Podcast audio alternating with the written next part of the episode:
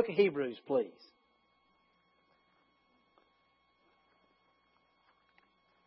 Hebrews chapter 8.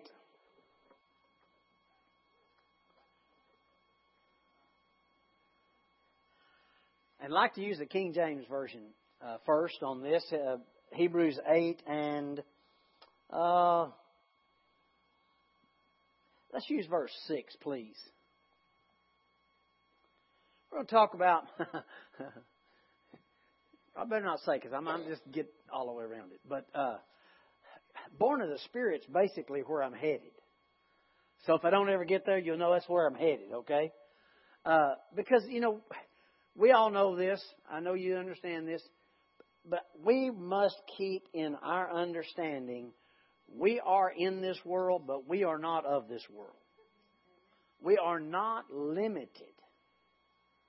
We are not limited to being under the circumstances, no matter how many times you've been hit with situations and everything else. You know, uh, if you don't if you don't watch out, you know that uh, certain seasons of the year, that certain sicknesses and diseases and try to get on people and things like that, you know, and, and uh, there are certain symptoms that come with certain things, you know, and, and like, uh, say a, a, a cough or a cold or something like that start, might start with a scratchy throat. Well, as a child of God, living in kingdom principles and kingdom rights, kingdom privileges, we should we want to renew our mind to not expect the next symptom to come after the scratchy throat. Why? Because Jesus paid the price for that scratchy throat and that cold just like He did every horrible, horrible disease out there and every problem. And has given us the ability by the Word of God and by His grace in our life to come against those things and say, no, not me. Not me. Not, no, not me. Uh, you know, we talked about, uh, remember John G. Lake when he spent all those years in, in, in Africa and the bubonic plague was killing so many people, but he and, and his people were not affected by it. And the doctors and, and the people that were there trying to help couldn't understand it. And that was when he had them, when he found out in that lab they had set up there, if they had a microscope, so that they could take some of the disease off of one of the bodies, put it under the microscope, make sure it was alive, and when they did, then place it in his hand. And when they placed the bubonic plague germ in his hand that had been checked to be alive, when it touched him, it died. And his explanation was the law of the Spirit of life in Christ Jesus has made me free from the law of sin and death. All right? Now that's where we want to stand every day of our life because we understand when we talk about the law of sin and death operating out there in the world, we know there's sicknesses and diseases. We know that stuff's out there for sure. All right? But what we're understanding, our revelation about our Jesus is when he hung on the cross. By his stripes, we were healed. He took all of it. And because God has sent forth the Spirit of His Son into our hearts, crying, Abba, Father, the law of the Spirit of life. Well, let's, for me, boiling, the, boiling down the law of the Spirit of life in Christ Jesus means it overpowers every natural law that would try to affect you. In other words, you and I can expect the miraculous when no one else does. Why? Because the law of the Spirit of the true life of God in Christ Jesus that's in me and you, born of the Spirit, separates us from the law of sin and death. Amen? That's the whole, that, that, that's what the Lord's done for us. So, here, here's in the book of Hebrews. But now hath he obtained, talking about Jesus, a more excellent ministry, by how much also he is the mediator of a better covenant which was established on better promises. Seven, please. For if that first covenant had been faultless, then should no place have been sought for the second. for finding fault with them. Finding fault with them, he saith, Behold, the days come, says the Lord, when I will make a new covenant with the house of Israel and with the house of Judah.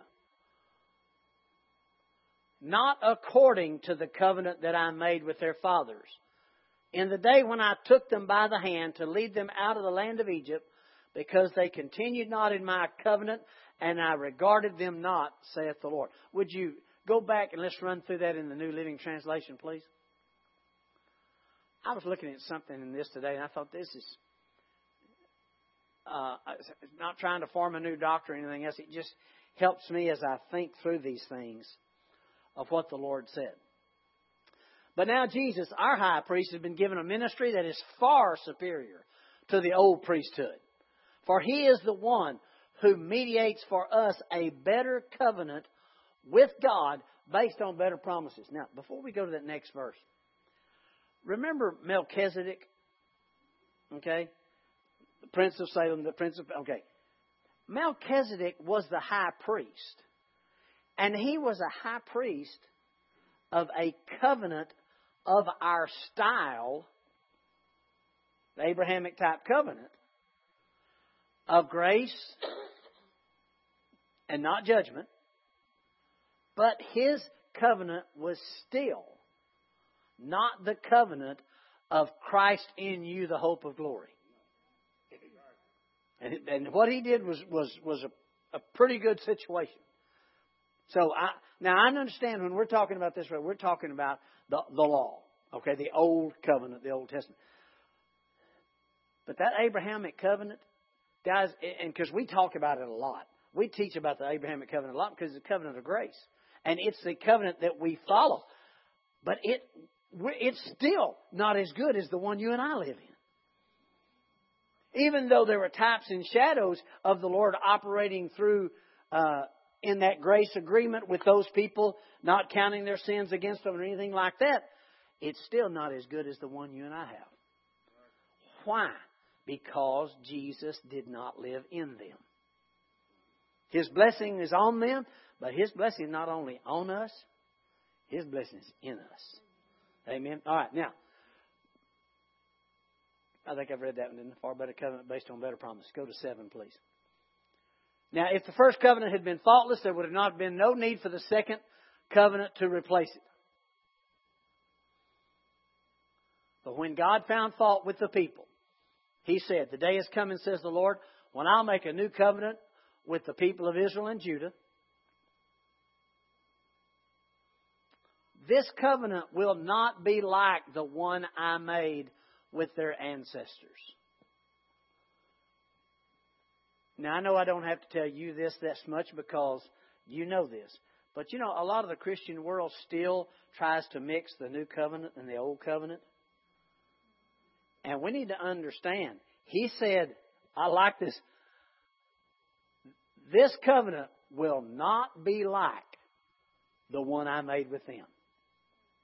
Because I have heard people say, well, yes, brother, it's just an extension. No, it's not an extension. It's not an amendment. It's no, it is a new covenant. That old covenant was based on law, and it was based on law bringing judgment.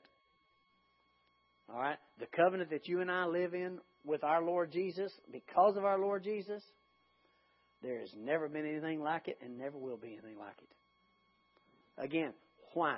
Born of the Spirit. Born of the Spirit. Christ in us is the hope of glory. The same thing that he did when he walked in that one body is the same thing he does when he walks in these bodies. That's the covenant that we have. All right? Now, go to the next one, please. No, I didn't finish that. I'm sorry, did I?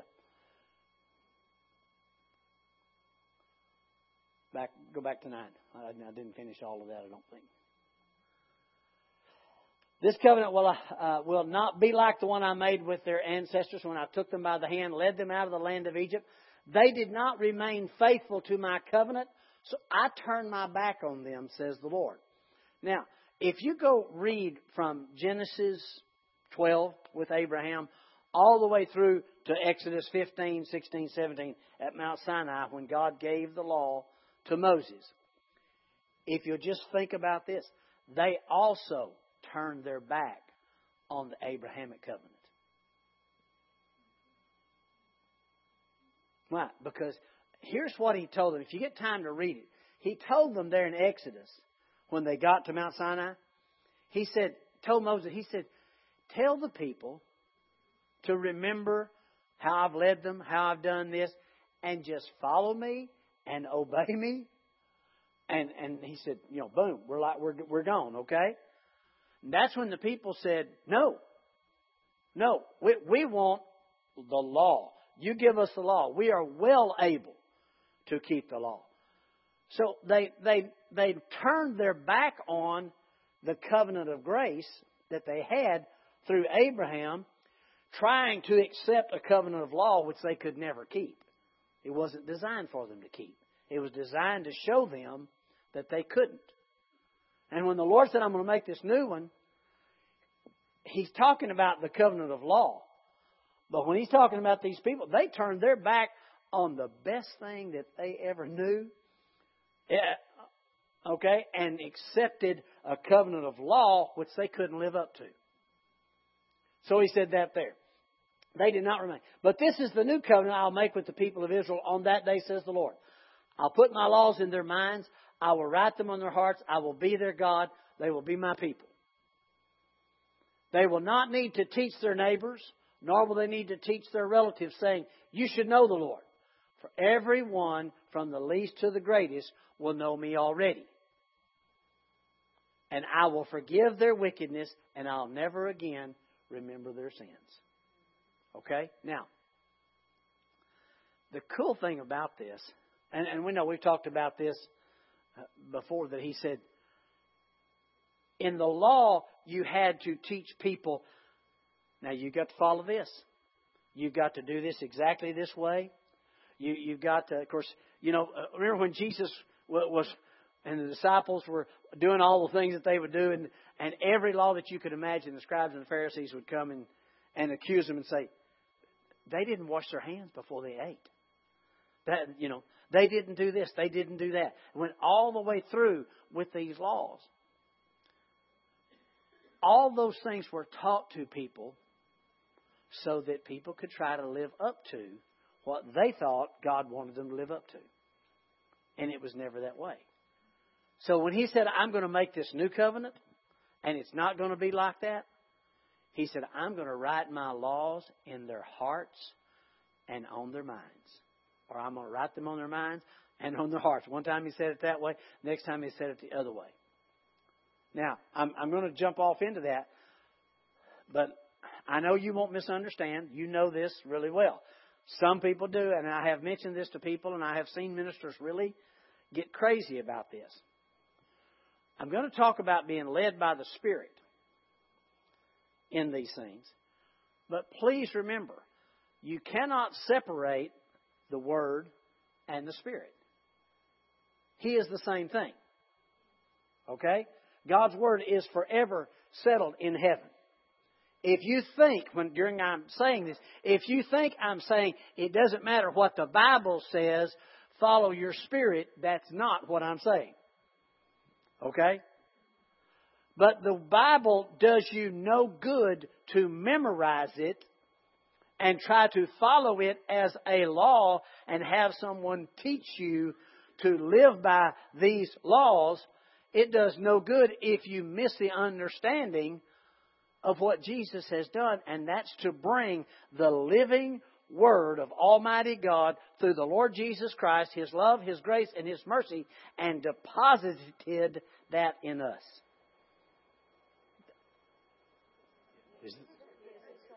Thank you, Jesus.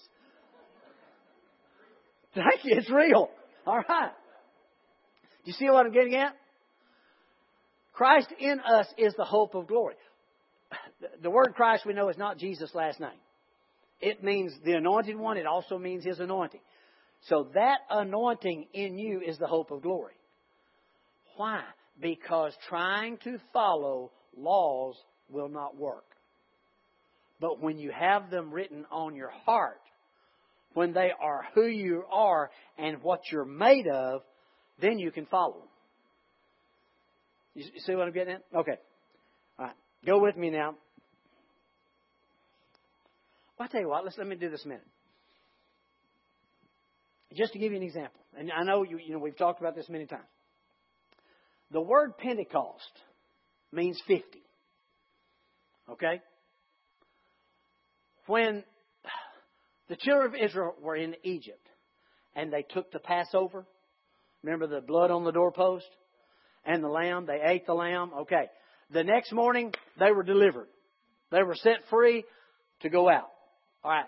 50 days later, from Passover was the day of Pentecost. That's when the law was given. Right? That was the old covenant, the old law. From Passover to Pentecost, 50 days. When that took place, the law was given, judgment came, and that day, 3,000 people died. You know why? They rebelled. They had made the golden calf. They had already said, We want the law, we want the law, we want the law. God gave them the law. The law brought judgment. So, 50 days from Passover to Pentecost, that 50 days, when the law was given, 3,000 people died.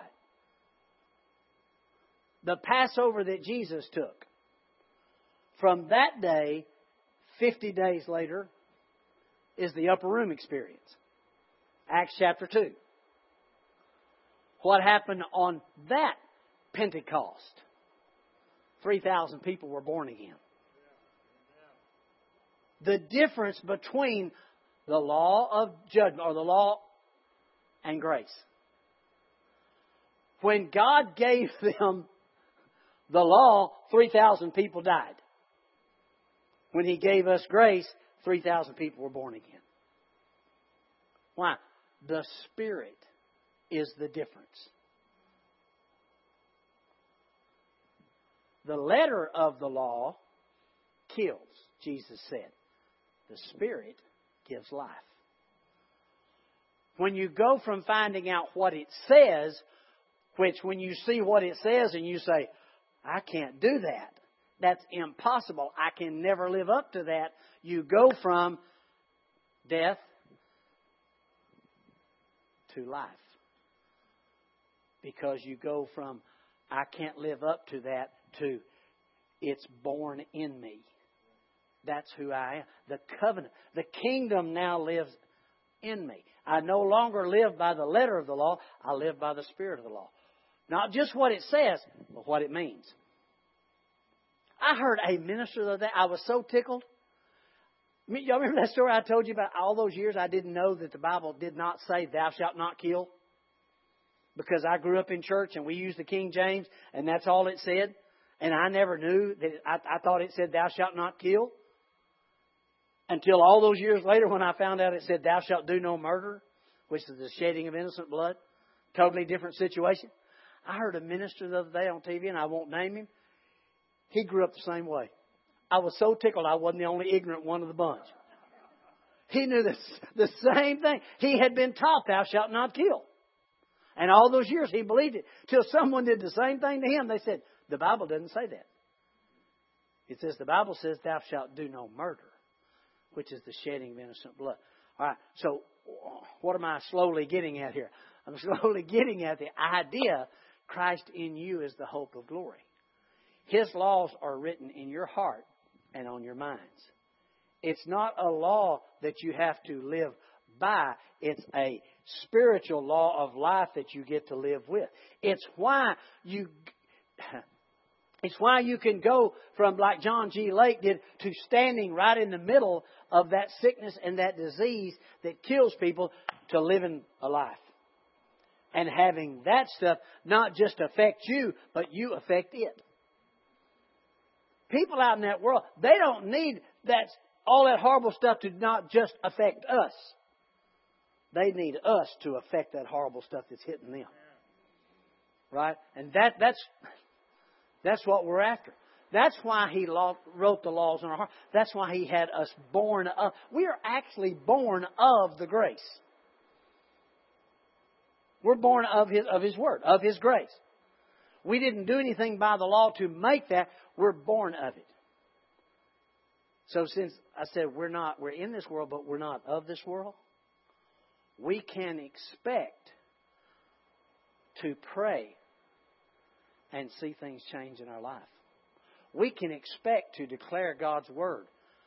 But where does it come from? What we've memorized? Well, yeah, it's good to memorize it. But when does it work? Faith comes by hearing, hearing by the Word about Jesus. So when you hear that Jesus has paid the price for you to be well, that's when you stand up and say, "Wait a minute, Jesus paid the price for me to be well. I don't, I don't have to be sick."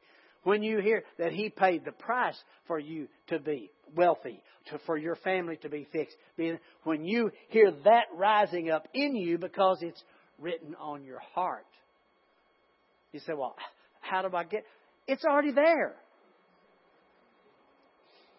I mean, you know, yeah, we may not know all of it yet, but it's already there. You, you don't.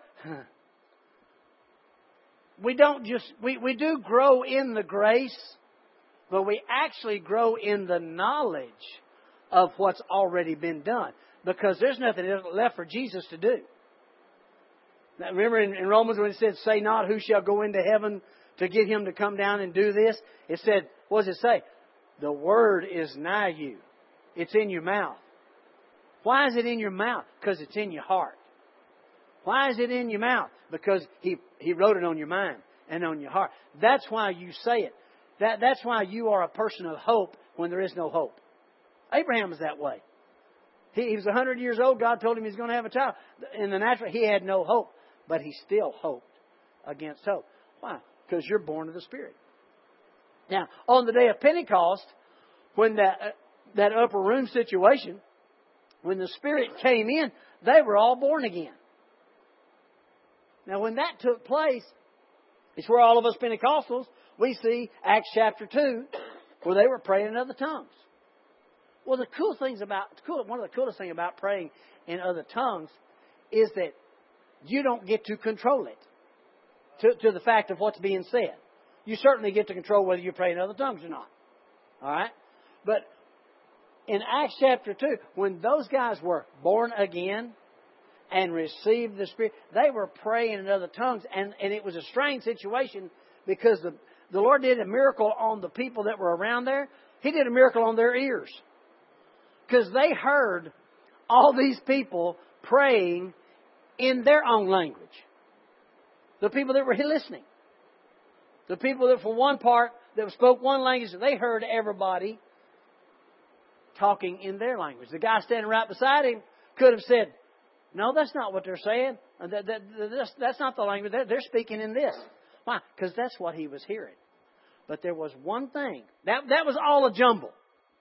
Okay? But there was one thing that they were doing. All of them. And everybody was hearing it. They were talking about the wonderful works of God. The wonderful works of God. That's what praying in tongues does. It's talking about the wonderful works of God. It's declaring what Jesus has done.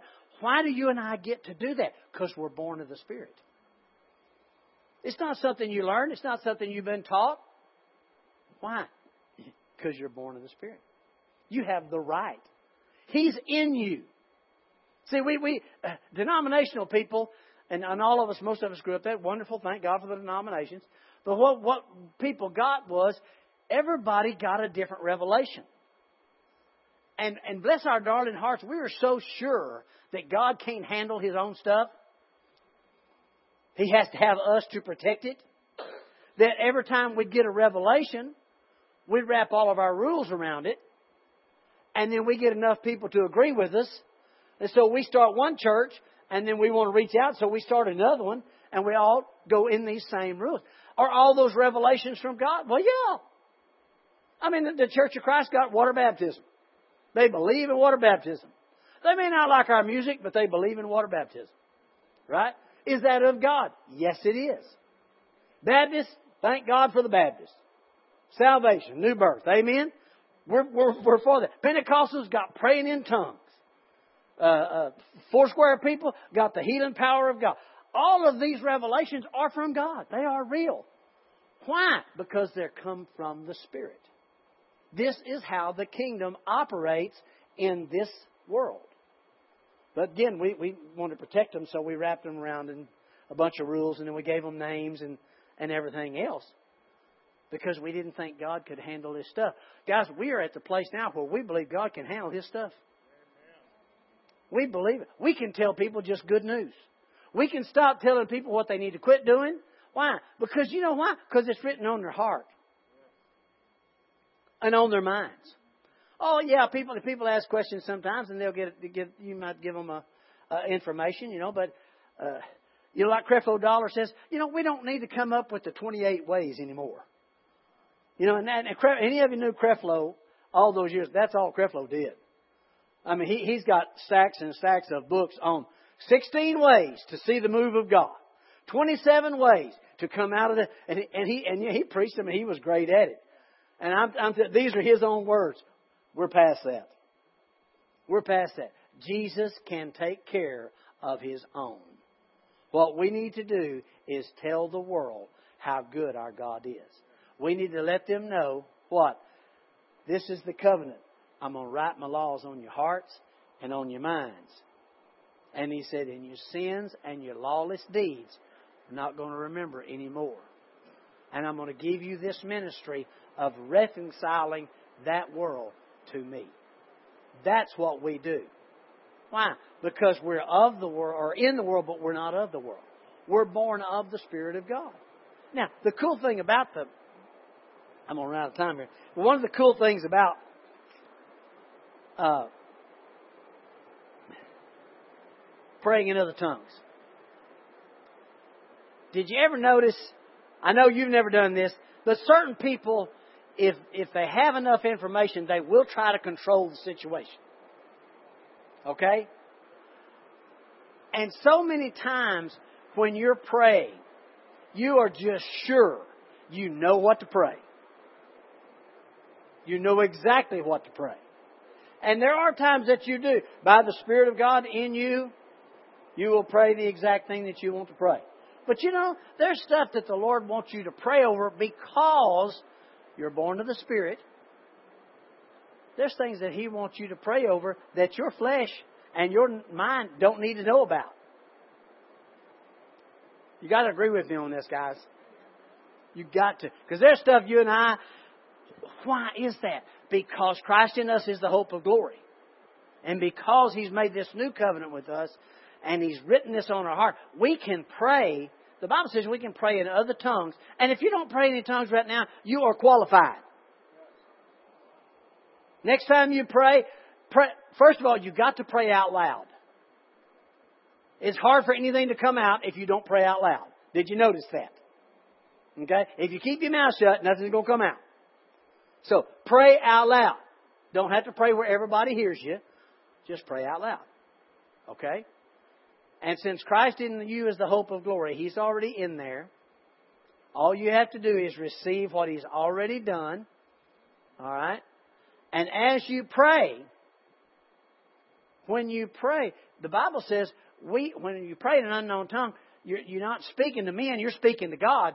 Howbeit in the Spirit, you're speaking mysteries. When you pray into a situation without knowing what you're praying, by letting the Spirit of God do it, you can let the Holy Spirit, through your Spirit, pray the exact words. And what happens? We know that because you are a child of God and you have the authority in this earth, what you say with your heart, believe with your heart, say with your mouth, will come about. So when you pray over a situation and you pray in words that you don't understand, the Lord will use those words and make them say exactly what He needs to be said. He will work in situations. He will move mountains for you. He do all those things that He's wanting to do just simply by letting you speak what's in you. Because why? Because He wrote it on your heart and on your mind. See? Why? Because we're children of God. We're Christians. We're new creatures in Christ Jesus. And those words that come out of us, I know, about, I know, you know, there are times that I just have it exactly figured out what I need to pray. But you know, if you notice sometimes, anybody ever have a story? Somebody told them about the situation, and of course, usually it's always, and so you got it all figured out, and then somebody else comes along and tells you the other part of the story, and you realize, whoa, there are two sides to this thing. That comes from not knowing everything. Now, if you have the situation where you're in charge and you're praying all that, no, it's best to let the Spirit do that. Just let you, just, you know, in fact, if there's nothing else you can pray, when, when the Bible says with groanings which cannot be uttered, it doesn't exactly mean, oh, groaning like that. What it means is words that can't be articulated into a normal language. All right? But yet, you have the grace of God in you. When you have the desire to pray whatever the Lord has for you, just pray it. Just pray. Whatever comes out, let it come out. It's just between you and God. You're not trying to impress anybody. Okay? So just pray. Instead of deciding, well, okay, I, I, oh man, I forgot. I left that part out. I forgot to pray for that. He that searches the hearts knows what is the mind of the Spirit, and he makes intercession for the saints according to the will of God. He makes intercession for the saints. Okay? And so many times we think that's, oh, he, he, he's, he's just praying for me or he's making it happen for me. No, you're the one interceding and praying, and he's doing it for you. When you're talking about a situation with your family or on the job or whatever, you'd be praying, but you're not praying for you. You're, you're declaring what's taking place out there and watching those things. So you're stopping you're stopping things that shouldn't be taking place, or you're causing things to come about that should take a place. Why? Because you are not a religious individual. You're a child of God. You're a new creature in Christ Jesus. And what comes out of you is born of the Spirit. That's when he said, This is not going to be like the covenant that we used to have. This is the new one. Christ in you is the hope of glory. So when you pray, Sometimes you may even pray in English and you pray something that you think that made no sense whatsoever. Well, guess what? You may not have made a mistake. That might be the Lord praying exactly. You've seen it and you know you have so many times when you pray things. I had a lady look at me one time because I didn't intend to pray what I prayed, but I was, and I was praying in English, and, and it came out, and it was not what I was planning on saying. But I could tell by the look on her face, it was exactly what the Lord once said. You know? What is this? You are the answer to the world. Why? Because you only one got Jesus. You are it. When you speak the love of God, when you speak the mercy and the grace of God, when you lay hands on them, when you walk into their situation, the peace of God comes with you. Because you're a child of the Most High God. You're not just somebody. Let, let me tell you what my religion believes. I do not care what I want is a real person, and his name is Jesus. He is the answer for everything, and he lives in us. And where you go, he goes. Right? I heard, uh, heard Joseph Prince say. He said a lot of Christians. What did he say? A lot of Christians think uh, that when they mess up, the Holy Spirit in them says, "I'm gonna find me another body. This one's not working right." no, He never leave you, forsake you. Why? Because you're it. He said, this, this is not going to be that type of covenant. This is not going to be all those rules and regulations. This is going to be me and my love walking and talking with you every day of your life. And oh, all those mess ups, we don't even consider them. Because that's, that's what the Lord says. Because He's written His laws on your hearts and, and on your mind. That's born of the Spirit. That's not a religion. And that's why I, you know, I've told you this different times that that one precious lady when I, I I was talking to that day and we were going through some things about some weight loss things and things like that and she said, "Would you tell me how you did that?" And I said, "It's the easiest thing in the world." I said, "You're a Christian, right?" And she said, she dropped her head and she said, "Oh, I sure try to be." And I said, "Oh, wait a minute. We need to start right here. There's no such thing as trying to be. You know, if you believe in the Lord Jesus Christ as your Savior, you are a child of God. You are born again now and forevermore. And uh, there's no dropping of the head, well, I sure try to be.